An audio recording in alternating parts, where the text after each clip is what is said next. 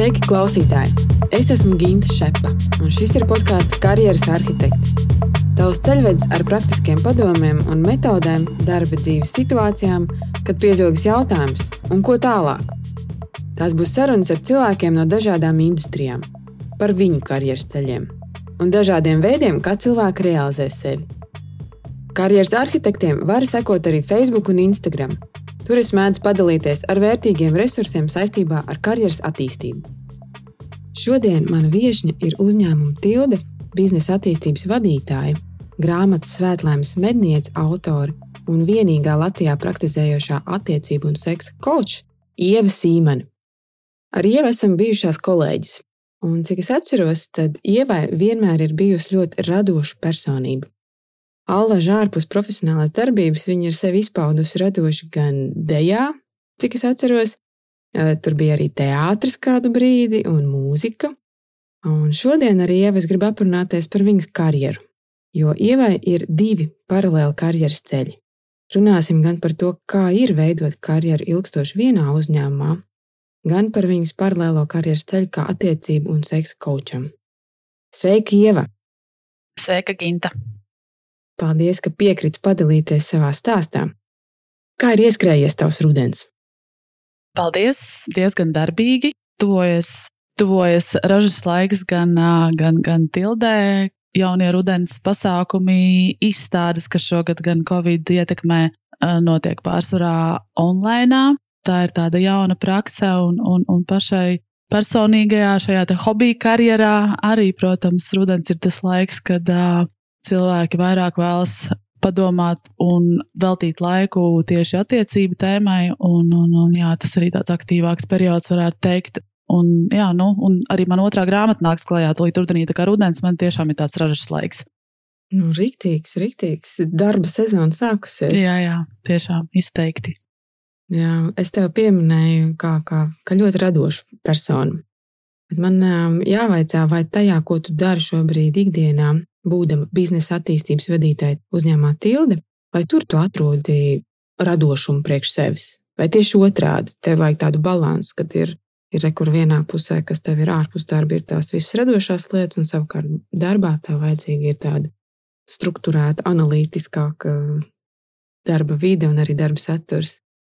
Jā, nu, jāatzīst, ka tās manas dzīves, teiksim, karjeras izvēles alaži ir bijušas tieši saistītas ar tehnoloģijām, tehniskām lietām un tādu ļoti skrupulozu disciplīnu. Un acīm redzot, tas man ir bijis nepieciešams, tā kā tu arī teici. Savukārt brīvajā laikā, protams, cilvēkiem šīs hobiju hobiju izpausmes ir dažādas. Vieni sporto, citi varbūt, es nezinu, kādos radošākos pulciņos darbojās. Un tad es esmu tas radošais cilvēks, un, un, un tā tas, tā tas alaži ir bijis, jā, kā jau tu minēji.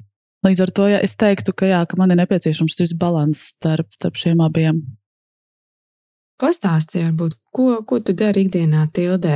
Es zinu, es zinu ka tav, mm -hmm. tava tā ikdiena ir saistīta ar lokalizāciju, lokalizācijas mm -hmm. pakalpojumiem. Mm -hmm. Vai tu vari tā vienkāršākiem vārdiem mums izstāstīt, kas tas ir?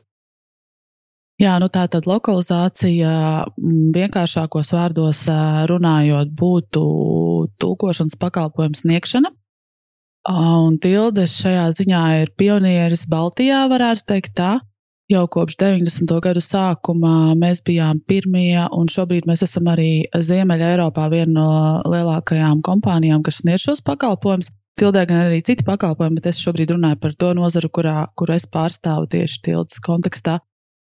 Un, jā, nu tā tad tulkošanas pakalpojumi, kas nozīmē rakstisko tulkošanu, dažādu veidu tehnisku tekstu tulkošanu, mājaslapu tulkošanu, visdažādāko materiālu tulkošanu, var sakot. Un Tātad mūsu profesionālai tulkotāji šo darbu veids, un tas, ko es daru, es tieši šobrīd jau nu, trešo gadu uh, strādāju tieši biznesa attīstībā un pārdošanā. Pirms tam es uh, esmu sākusi tildē darbu kā projektu vadītāja, kā jau varbūt tu atceries. Atceros, gan jā. Tas man jautājums, vai tas bija ar to, ko tu sāki tildē? Tas tu arī pievienojies tildē kā projektu vadītāja? Jā, es tildēju pievienojos 2000. gada oktobrī. Es precīzi neatceros, gan kā lokalizācijas projektu vadītāja, un tas, man liekas, bija lielākais mans dzīves rūdījums, kādas esmu līdz šim pieredzējusi. Jo tā darba dinamika ir tik izaicinoša, dinamiska, tehniski, tev jābūt tehniski domājošam, tev jābūt ļoti precīzam gan laikā, gan veiksmīgam komunikācijā. Tas tiešām bija kaut kas, ko es uztveru kā savu lielāko dzīves izaicinājumu un arī liel, vienu no lielākajām dzīves izaugsmēm patiesībā. Tu pieminēji, ka jābūt tehniski mm. zinošam. Kāpēc? Kur tur ir tā vajadzība? Jā, nu, tulkošanas industrijā ir ārkārtīgi daudz šo tulkošanas rīku, projektu vadības rīku. Un tam cilvēkam, kurš ir šajā industrijā iesaistīts, ir jāpārzina šie rīki, jo pretējā gadījumā mēs nu, nevaram strādāt. Un tātad, teiksim, šo tulkošanas rīku vien ir vairāk kā, nu, es teiktu, katrā ziņā tildes, tildes darbinieki, kas strādā tieši tulkošanā, pārzina vismaz 40 tulkošanas dažādus rīkus. Wow, tas ir daudz. Un, jā, tas ir, tas ir liels cipars. Jā. Plus vēl visas iespējamās datu bāzes, terminu datu bāzes. Respektīvi, jā, šis arī parāda nu, šo te tehnisko zināšanu nepieciešamību. Jā, ir, ir ko apgūt. Ir tiešām, jā. Um, tu neatceries precīzi gadu, kad tu sāki, jā, bet es mm. paskatījos tavā LinkedIn profilā un sarēķināju, ka tev tildē jau būs 15 gadi. Wow! jā, tas. Es, es aizmirsu LinkedInā paskatīties. Tas mans jautājums, tas ir daudz vai maz? Tas, manuprāt, ir ļoti daudz, jā. Tas ir ļoti daudz, un vismaz stereotipiski tiek uzskatīts, ka 5 līdz 7 gadi ir tas optimālais laiks, ko nostrādāt vienā uzņēmumā. Bet uh, es domāju, ka mana veiksmes atslēga tildē ir bijusi tā, ka man ir bijušas nemitīgas uh, iespējas šeit uh, savu karjeru attīstīt, augt, mainīt uh, šo nodarbošanos un Un plus šeit ir ļoti, ļoti, teiksim, nu, labi šie darba apstākļi, sākot ar kolēģiem, beidzot arī ar, teiksim, vispār darba vidi kā tādu. Nu, ar to, nu, man nav bijis iemesla līdz šim apdomāt kādas citas iespējas, teiksim tā. Nu, jā, tu, tu pat arī pieminēji ja, pēc tādām karjeras teorijas un arī tas, ko mēs redzam ikdienā, kad mm, šobrīd nu, to, to, to karjeru maina un uzņēmums maina ļoti bieži. Bet ko tu pati vari teikt, kas ir tavi personīgo ieguvumi veidojot karjeru vienā uzņēmumā? Tur noteikti arī ir nu, labas lietas. Mm -hmm. Jā, nu kā vienu no lielākajiem ieguvumiem es droši vien minētu tieši, tieši kolēģus. Nu, tā kā tu jau plus mīnus zini, ar ko tev būs jāsadarbojās, un, un tā komanda ir skaidra, un, un uh, tu zini, ko no šīs komandas uh, sagaidīt, ar ko rēķināties. Tas varētu būt numur viens, manuprāt, cilvēki. Jā. Manuprāt, cilvēki vispār uzņēmumā ir nu, galvenā vērtība, un uh, ja darba devējs spēj darbinieku novērtēt, tad tas ir priekšnoteikums numur viens, lai šis darbinieks turētos konkrētajā uzņēmumā maksimāli ilgi. Nu, izskatās, ka uz tevi visi priekšnosacījumi ir strādājuši. Jā, man ir reāli paveicies. Es tā uzskatu, vai arī es esmu jutusies novērtēta un, un jūtos pateicīga par iespējām, kas man ir dotas tieši tildes kontekstā.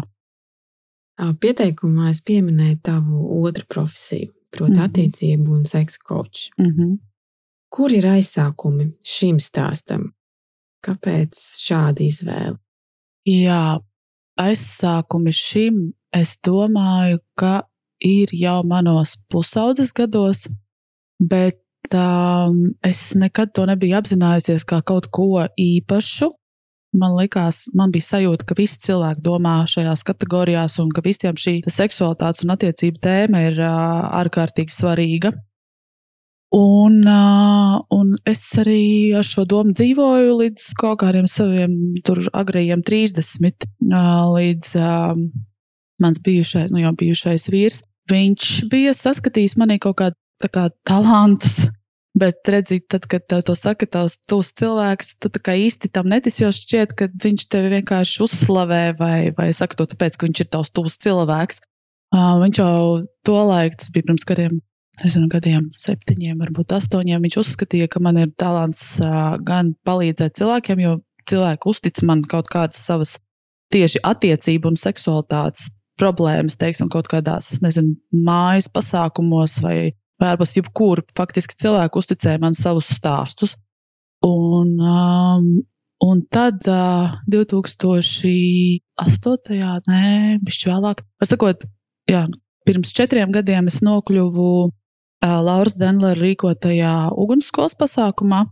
Tas tāds uh, sieviešu pašiz, pašizaugsmas pasākums nokļuvis tur tāpēc, ka man laikam bija vajadzīgi jā, kaut kādi jauni izaicinājumi dzīvē un vispār saprast, ko es kuras tālāk gribu iet, ko es gribu darīt, jo bija tāda sajūta pakrūtē, kņudoša, ka kaut ko jaunu gribās, bet nezinu ko. Un uh, tur izgaismojās atkal no jauna šī seksualitātes tēma, kā ļoti būtiska man, un atbilstoši šīs te dāmas, kas piedalījās pasākumā, viņas man izaicināja šo tēmu attīstīt, šo, šo savu, kā lai pasakā, šo savu ne, neaptverto talantu. Un, proti, tas, uz ko viņas man izaicināja, bija uzrakstīt uh, vienu erotisko stāstu līdz uh, mēneša laikā. Kas man likās totāls wow un vispār neiespējama misija, bet, uh, bet uh, es biju apsolījusi, es to izdarīju. Uh, kaut kādā brīdī es šo stāstu publicēju šīm dāmām, Uh, es guvu negaidītu atzinību par šo stāstu, un, protams, ka man pašai radās azarts pamēģināt, kā, kā būtu uzrakstīt veselu stāstu krājumu, iespējams. Bet es viņu rakstīju tādā kā dienas grāmatas formā, bet nu, nedomājot, neplānojot nekādu izdošanu. Uh, līdz vienkārši laika gaitā uzro, uzradās it kā nejauši cilvēki manā, manā lokā, kuri, nu, kuri vienkārši deva tādus impulsus, ka man ir tomēr jāpadomā par izdošanu arī. Nu, lūk, tā, un tad 2018. gadā notika februārī uz Valentīna tieši, kas arī zīmīgi notika Svētlēmas metnētas atvēršanas svētki, un, un šī grāmata pat vairākas nedēļas bija Jāņa Rozes lasītāko grāmatu topā. Līdz ar to, nu, tas gandrījums bija milzīgs, bet tajā pašā laikā man likās, ka es varu darīt kaut ko vairāk un ka es faktiski vēlos iedvesmot cilvēkus ne tikai ar to, ko esmu uzrakstījis, bet, bet arī šīs sarunu, sarunas turpināt. Un es internetā un visur citur klausījos, ausījos, kas būtu tās manas iespējas. Un, Dažādos ārzemju resursos atradu, ka informācija ka ir tāds saucamais seksa un attiecību coachings. Mēs bijām dzirdējuši par biznesa kočiem, par personības izaugsmas kočiem un tam līdzīgi Latvijā. Savukārt par seksa kočiem mm, es personīgi neko nebiju dzirdējusi un arī neatradu tādu informāciju. Un man šķita, ka tas būtu kaut kas, ko es labprāt pamēģinātu. Un, un, jā, un tad šī gada sākumā es ieguvu profesionālā koča certifikātu, metakoča mācību centrā, un, un, un tā nu es esmu sākusi praktizēt arī kā seksa un attiecību kočs. Brīnišķīgi. Pie šī tā mēs vēl atgriezīsimies, bet man ir jāpavaicā tīri ziņkārt. Jā. Cilvēks mm -hmm. nolēma izdot grāmatu, sarakstīt mm -hmm. grāmatu. Kā, kas ir tās praktiskās lietas? Nu, es tagad izdomāju, re, kur man ir stāsti sarakstīti, vajadzētu mm -hmm. izdot grāmatu. Ko es mm -hmm. daru? Es eju pie izdevēja, es meklēju savu aģentu, vai kā? Kas ir tajās mm -hmm. aizkulisēs? Mm -hmm. Jā, šis ir ļoti interesants jautājums, par kuru arī man pašai nebija ne mazākās nojausmas, jo es jau nebiju grasījusies izdot uh, grāmatu tā publiski. Bet, uh, bet, bet atbildot tieši uz tavu jautājumu, tad šie izdošanas ceļi ir divi. Pirmais ir, kā jau tu minēji, manuskriptu nosūtīt uz Latvijā zināmajām teiksim, izdevniecībām, Un, un pozitīvas, poz, pozitīvas atsauksmes gadījumā izdevniecība ar tevi sazinās, aicina uz pārunām. Ja tavs darbs ir pietiekami labs un ja jūs spējat vienoties par abām pusēm derīgiem noteikumiem, tad jūs uzsākat sadarbību un, un izdevniecība tātad izdod šo tavu darbu. Tu par to saņem autora atlīdzību. Uh, savukārt tas otrs ceļš ir uh, izdot pašam, un tas ir arī ceļš, kur es esmu šobrīd gājis ar otro grāmatu. Un tad pilnīgi viss, visas darbības ir tavā paša ziņā, proti, tātad grāmatas pati par sevi sarakstīšana, grāmatas rediģēšana, grāmatas korektūra, grāmatas maketēšana, vāka dizains, druka, mārketings, izplatīšana. Tas viss tad ir pilnīgi tava atbildība. Protams, tu vari iesaistīt cilvēkus, kas to dara profesionāli, kā arī es to esmu izvēlējies darīt. Jā, tie ir tie divi atšķirīgie ceļi. Nu, tāds diezgan nopietns projekts. Jā, ir. Nu, ir, ir, ir tas, tas, tas nav. No, tas, es neteiktu, ka tas ir vienkārši, bet es esmu sapratusi arī to, ka pēc katras grāmatas uzrakstīšanas es nosolos, ka es vairāk nekad neko nerakstīšu un neizdošu. Bet acīm redzot, tā ir kaut kāda tāda dabiska, radoša vajadzība, kur izpausties. Un, un, un tad, kad tu to zilonu esi apēdis un tā stīta palikusi, tad jau ko tur vairs. Nu, tūlīt gaidām tā otra grāmata. Paldies! Jā. Bet turpinot par, par coachingu, vai tu vari pastāstīt, ar ko var palīdzēt attiecību un seksu coach? Kādas tēmas, jeb kādus jautājumus var risināt? Nu, seksa un attiecību coachings, kā jau arī pats nosaukums pasaka, palīdz risināt dažādas attiecību un seksuālas, es pat negribu viņus saukt par problēmām, tad tā varbūt arī kāda seksuāla interese, kuru cilvēks baidās īstenot. Bet, nu, pieņemsim, jā, ka tās varētu būt problēmas, tās var būt kaut kādas uh, nesaskaņas, teiksim, kaut kādās partneru uh, dzimums tieksmes jautājumos, nu, nezinu, tur uh, viņiem ir kādas nesaskaņas par to, cik bieži un kā tam vajadzētu notikt, tam līdzīgi. Tāds, nu, no pilnīgi vienkāršām uh, mazām saķeršanām, beidzot ar uh, fundamentālām tēmām, kā es nezinu, dažādi fetiši vai pat, uh, pat seksuālās orientācijas jautājumi. Tas ir ļoti, ļoti plašs spektrs. It kā seks un attiecības ir viena no mūsu dzīves uh, jomām, bet tā ir nu, pietiekami būtiska. Vismaz manā uztverē tā ir vienkārši pamata, pamat vajadzība, pamat, pamat vērtība dzīves. Līdz ar to, jā, manuprāt, tur ir ļoti daudz ko risināt, ja grib risināt. Uh, varbūt svarīgi ir pateikt šajā brīdī to, ka seksa coachingas atšķirās no klasiskās psihoterapijas un psiholoģijas ar to, ka coach uh, ar klientu ne, nestrādā ar pagātnes uh, kaut kādām traumām, bet kā strādā uz nākotnes, uz kaut kādām nākotnes, uh, teiksim, vēlmēm vai sasniedzamiem. Nu, par mērķiem viņas būtu varētu saukt arī par mērķiem. Klasiski coachingā to sauc par mērķi, bet tad uh, seksa coachingā tas ir teiksim, kaut kāda vēlmju apzināšanās, vēlmju īstenošana, resursu, savu kaut kādu iekšējo vēlmju apzināšanās un, un, un saprašanu, vai dzīvē tas ir īstenojams vai nav. Gribu, negribu, cik nozīmīgi man tas ir un, un vai vispār nepieciešams.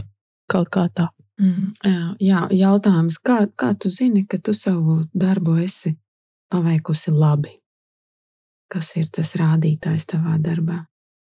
Nu, pirmais rādītājs, manuprāt, ir uh, klienta, klienta atsauksme, atgriezniskā saite, jo, jo tā, tā, tas ir viens no coachinga, teiksim, uh, coachinga sesijas uh, momentiem, kad, uh, kad uh, klients do, sniedz savu atgrieznisko saiti par to, ko viņš ir ieguvis sesijas laikā. Un, un man ārkārtīgi gandarīja cilvēks ar smaidu.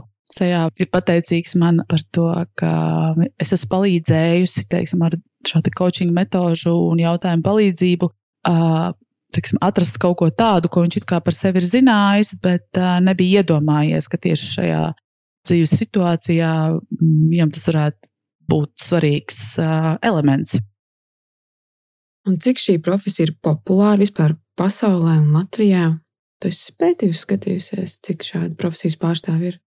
Es uh, skaitļus precīzi nepateikšu, bet uh, coachings vispār kā tēma kļūst arvien populārāk. Pasaulē jau tā ir labu laiku ļoti, ļoti, ļoti populāra prakse dažādās dzīves jomās, sākot ar sporta kočiem, tiem pašiem biznesa kočiem, personības attīstības kočiem. Cik zinu, ir arī uh, dažādi šie uzturu speciālisti, kas, uh, kas ir ieguvuši papildus arī koča izglītību. Un Latvijā arī tas kļūst arvien populārāk, bet arī nu, tieši vairāk fokusējoties uz tādām praktiskākām dzīves jomām, ja tā var teikt. Jā. Mm -hmm. Zini, kā es tā domāju, nu, tā mūsu sabiedrībā, manuprāt, kad joprojām attiecības un seksuālās attiecības, intimitāte ir tādas mm. tēmas, kur tu vari dabūt ļoti pretējas reakcijas. Mm. Viena, kas uzskata, ka tas ir pilnīgi normāli, tā ir cilvēka vajadzība, un, un ir daļa, kas teiks, ka tas ir kaut kas ļoti, ļoti, ļoti personisks, un par to man nav jārunā ārpus manas mājas sienām vai guļamistabas durvīm. Kā vai tu dabūji kaut kādas dažādas šīs reakcijas, kad tu paziņoji, nezinu, savā draugu lokā vai ģimenē, kad rekur es būšu attiecību un seksu kočs? Jāsaka tā, ka pret coachingu bieži vien vispār attieksme ir apmēram tāda kā pret kaut kādu netradicionālo, es nezinu, kristīgo ticību, kā jaunā paudze vai tam līdzīgi. Līdz ar to tas ir viens uh, aspekts, manuprāt, ka nu, mums vēl jāiedibina tādas pamatīgākas tās coachinga tradīcijas uh, sabiedrībā vispār. Un uh, runājot par attiecībām un seksualitāti, man ir sajūta, ka nu, pie manis atnāk tie cilvēki, kuri ar mani ir uz viena viļņa. Es neesmu tādu, tādu, tādu bargu kritiku dzirdējusi par par savu nodarbošanos, un varbūt tas ir tāpēc, ka uh, es tiešām spēju ar, ar, šo savu, ar šo savu metožu izmantošanu, spēju palīdzēt reāli cilvēkiem.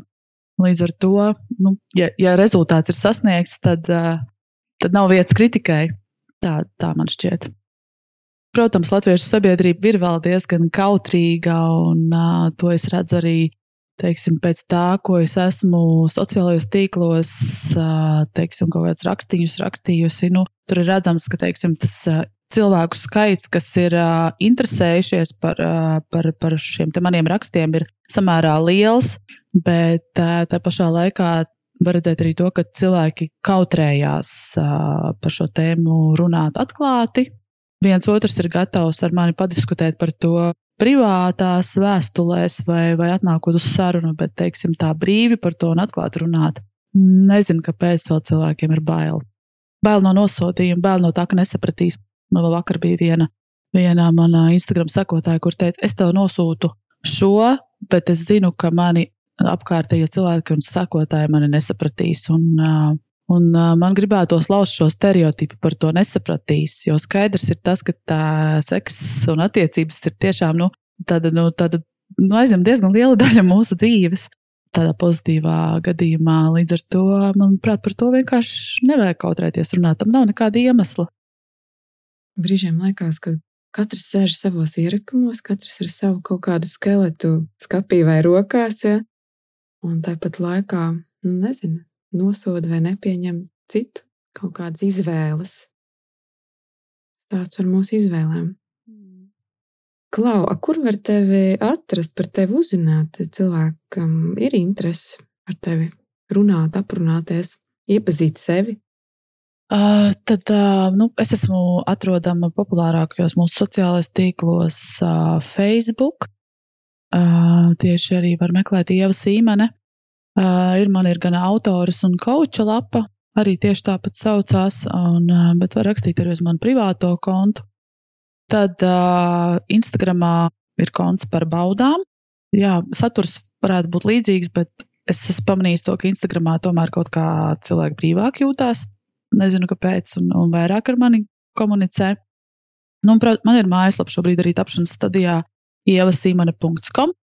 Ceru, ka varēšu viņu palaist publiski šīs nedēļas laikā, tad arī tur būs visa kontakta informācija, informācija par to, kas vispār ir seksa coachings, informācija par manām grāmatām un, un, un visu citu, kas varētu būt ar, ar šo tēmu saistīts. Kaut kā tā. Nu, redz, ja meklē, tad tev noteikti var atrast. Jā, samērā vienkārši jā. varētu būt. Jā.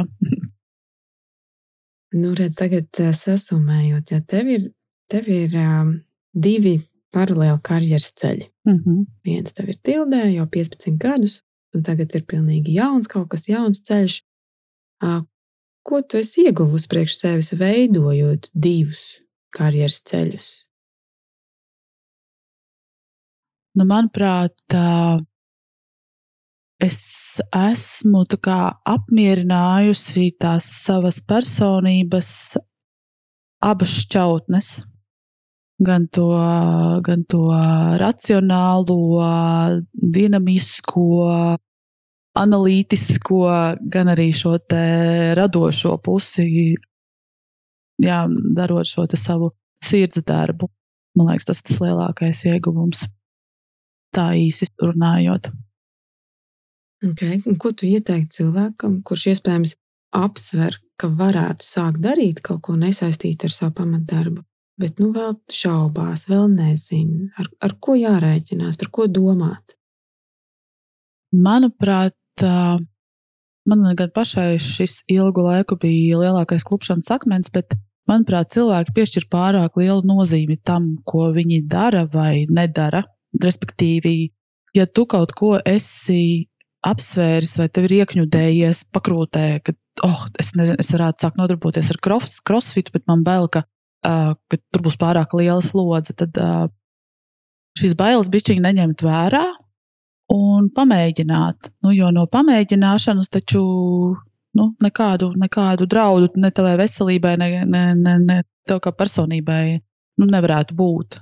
Respektīvi, nu, tā kā tiešām ļaut sev pamēģināt un uh, nepiešķirt pārāk lielu nozīmi tam, ja tev kaut kas neizdosies, vai tieši otrādi, ja tev izdosies. Tā vienkārši ir tāda kā rotaļa ar dzīvi, es teiktu tā.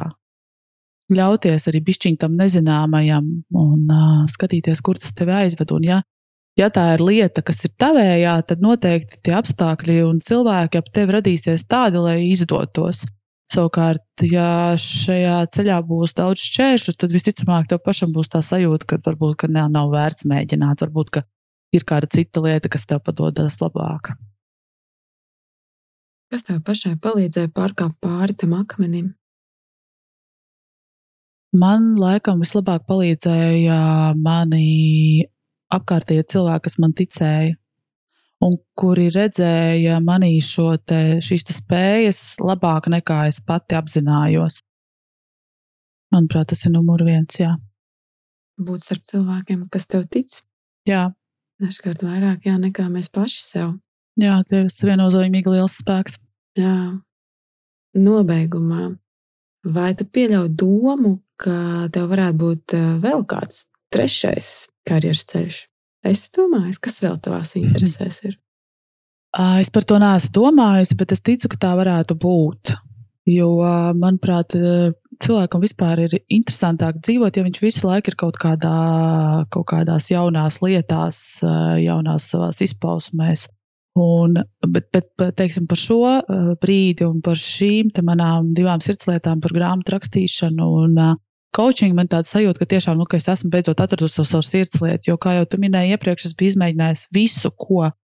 Un uh, tas lielākais signāls, man liekas, tāds nozīmīgākais signāls ir tas, ka, teiksim, tu gribi ilgāk pakavēties pie šī hobija vai pie šīs jaunās aizraušanās. Tad šī, šī seksualitātes un attiecību tēma man jau seko, kā jau minēju, no pusaudzes gadiem. Tad viņa ir bijusi pietiekami nozīmīga man, principā, visu mūžu garumā. Un, Un es priecājos, ka, kad, kad, teiksim, kad šajā vecumā es to tā fundamentāli saprotu kā, kā savu tādu vienu no galvenajām sirdslietām.